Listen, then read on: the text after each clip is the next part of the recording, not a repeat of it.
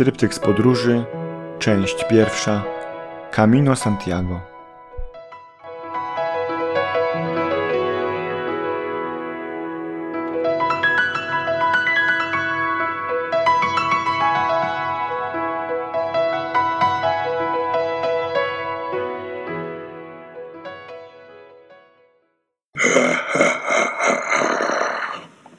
Dzień siódmy.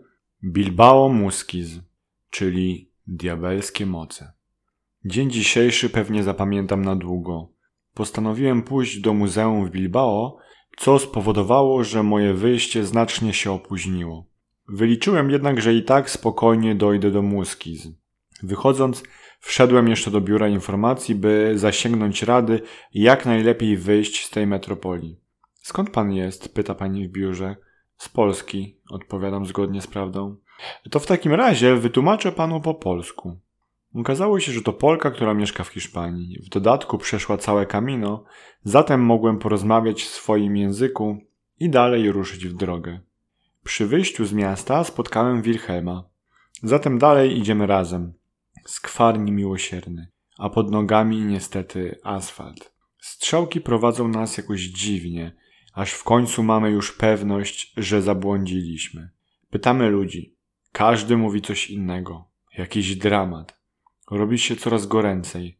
Ledwo wyszliśmy z Bilbao, przed nami ciągle szmat drogi. W końcu, mozolnie, po straconych czterech godzinach ruszamy dalej. Do tej pory nie wiemy, co robiły tam te inne strzałki. Fakt jest faktem, że wszystko działo się pod diabelskim mostem. Dalej nie ma czasu na sentymenty.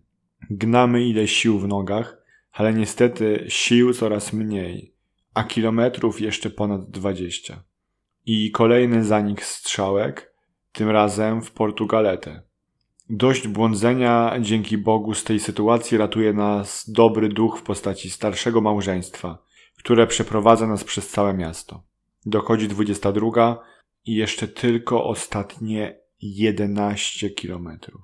Albergę zamknięty od godziny, więc idziemy w ciemno. Jesteśmy u celu o północy. Nóg już nie czuję. W ogóle nic nie czuję. Ech, pogmatwał nam diabelski most plany. Ale nie wzięliśmy metra, choć trochę nas kusiło. Budzimy pielgrzymów, ale śpią jak zabici. W końcu ktoś otwiera. Waldis! W jednej sali śpi około 30 osób. Łóżka piętrowe. Wdrapuje się na górę, Wilhelm kładzie się na dole. Jednak już po chwili dostrzegamy, dlaczego zostały one wolne. Najdrobniejszy ruch wywołuje niemiłosierne zgrzyty. No tak, jakby wszystkiego było mało, jeszcze to.